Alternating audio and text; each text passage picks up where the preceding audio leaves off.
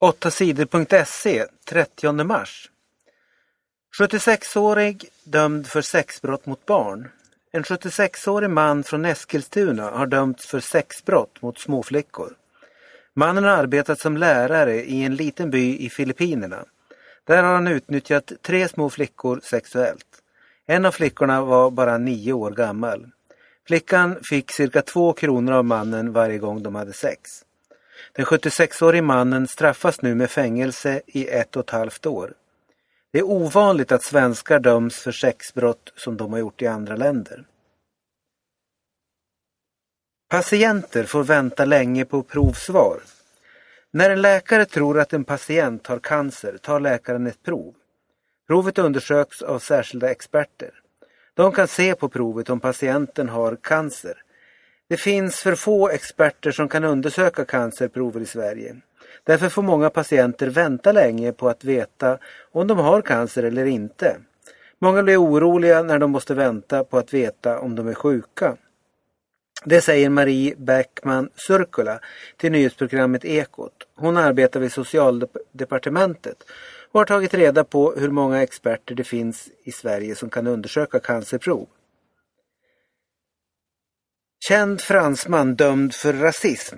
Den kände franske parfymmakaren Jean-Paul Guerlain har dömts för rasism. Han döms för att han i tv sagt så här. Jag arbetade som en neger när jag skapade parfymen Samsara. Domstolen i Paris straffar 75-årige Guerlain med 60 000 kronor i böter. 19 misstänkta islamister gripna i Toulouse. Franska poliser grep på fredagsmorgonen 19 misstänkta islamister i staden Toulouse. Poliserna slog till tidigt på morgonen mot de misstänkta terroristerna.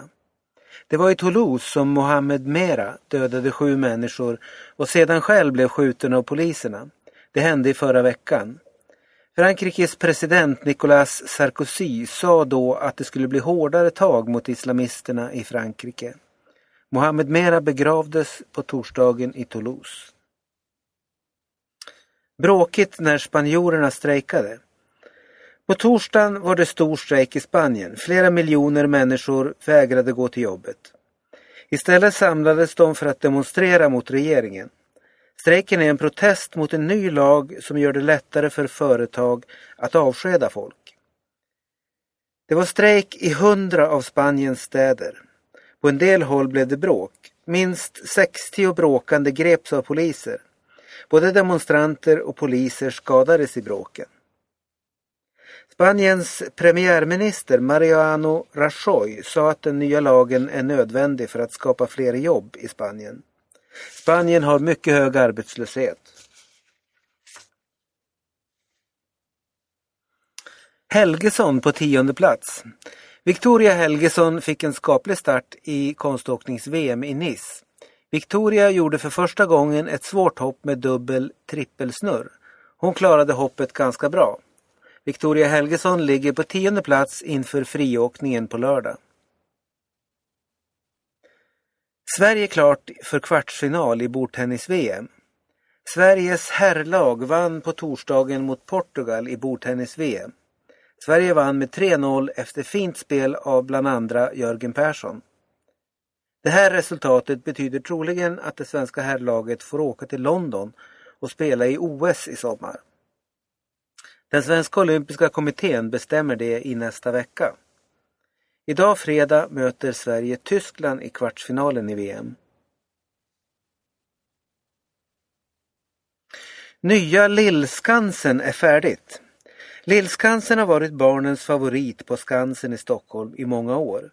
Där har barn kunnat titta på djurungar sedan 1955.